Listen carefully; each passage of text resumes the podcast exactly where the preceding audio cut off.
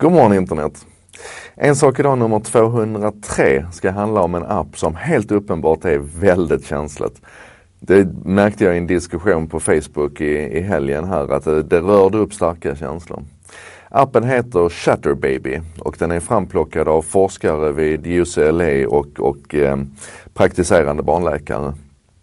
Den är också tränad på ett antal, som man kallar det, veteran mums och vad den gör är att eh, den här appen, den, den består alltså av en, en, den lyssnar och sen är det en algoritm som försöker tolka och förstå varför din baby gråter, varför ditt lilla barn gråter.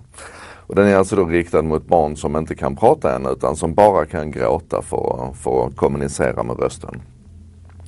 Och vad den kan göra i detta läget då med, med någonstans mellan 80 och 90 procent sannolikhet beroende på hur man försöker läsa dem. Det är att den kan skilja på om barnet är hungrigt, om det har ont eller om det bara är kinkigt.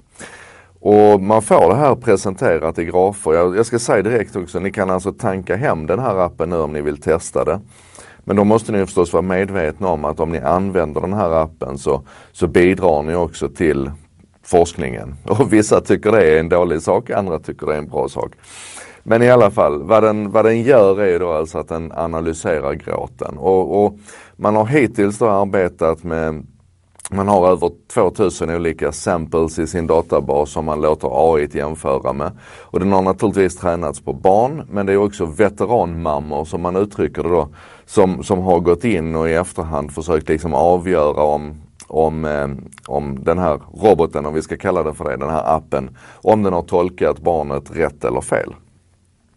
Och det här är naturligtvis otroligt spännande att ett, ett forskningsprojekt, förvisso då via ett, ett hackathon 2016, vilket också man kan tycka är en bra eller dålig sak att, att en sån här grej som potentiellt kan vara så här känslig kommer fram på ett hackathon.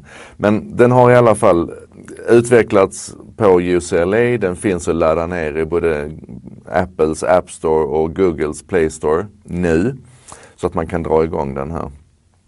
Och Poängen här är naturligtvis att ge då de ovana föräldrarna lite hjälp att läsa av sina barn och, och, sätta in rätt åtgärder så att du inte ger gröt till ett barn som har ont i magen för att du tror att barnet är hungrigt.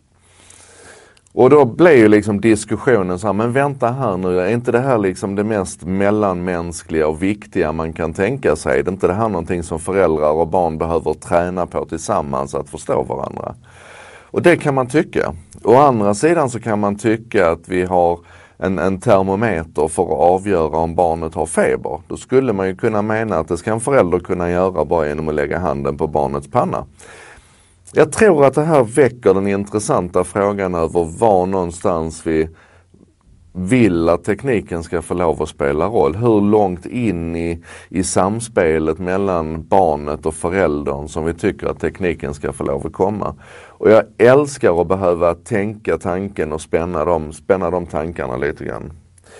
Eh, jag tycker du ska göra detsamma. Jag ska säga det finns en, ett element till i det här som är drivande bakom den här appens tillkomst. Det är att man vill, man vill använda den för att försöka tidigt ställa en, eh, det man kallar för neuropsykiatriska diagnoser. Alltså att leta efter autism och, och Aspergers och Tourettes och ADHD och ADD och, och det, det spektrat av, av sjukdomar. För man tror då, forskarna här de, de tror och menar, och det är inte bara de här forskarna, men man menar att ju tidigare man kan ställa den sortens diagnoser, ju mer kan man då liksom arbeta med, med relationen med barnet och miljön och så vidare för att, att försöka minska de negativa effekterna av de här funktionsvariationerna. De potentiellt negativa effekterna av de här funktionsvariationerna. Jag tror ni är med på vad det här handlar om. Eh, jag tycker det är en jättespännande tanke, både rent tekniskt, vilket jag tror är enkelt, även om det här med generiska, generiska bestämningar av barns gråt också är ifrågasatt, så vad, som, vad värdet av det är egentligen. Men jag tror det är ett mycket spännande område. Jag tror det har stor potential och kan vi sen dessutom jacka in det i riktig medicinsk forskning på om just neuropsykiatriska diagnoser så tror jag det här är fantastiskt bra. Men var och en får bilda sig sin egen uppfattning och det här är någonting som vi kan behöva fundera på. I alla fall, det här var En sak idag nummer 203. Det producerades av mig och Kim Jardenberg med benäget bistånd av vännerna på Bredband2. Eh, det textas alltså och översätts till svenska och engelska av gänget på Contentor.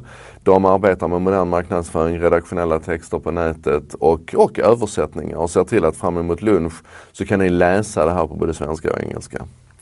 Bredband2 Contentor, tack så mycket för strålande samarbete och ni och jag diskuterade det här nu och så ses vi imorgon med En sak idag nummer 204.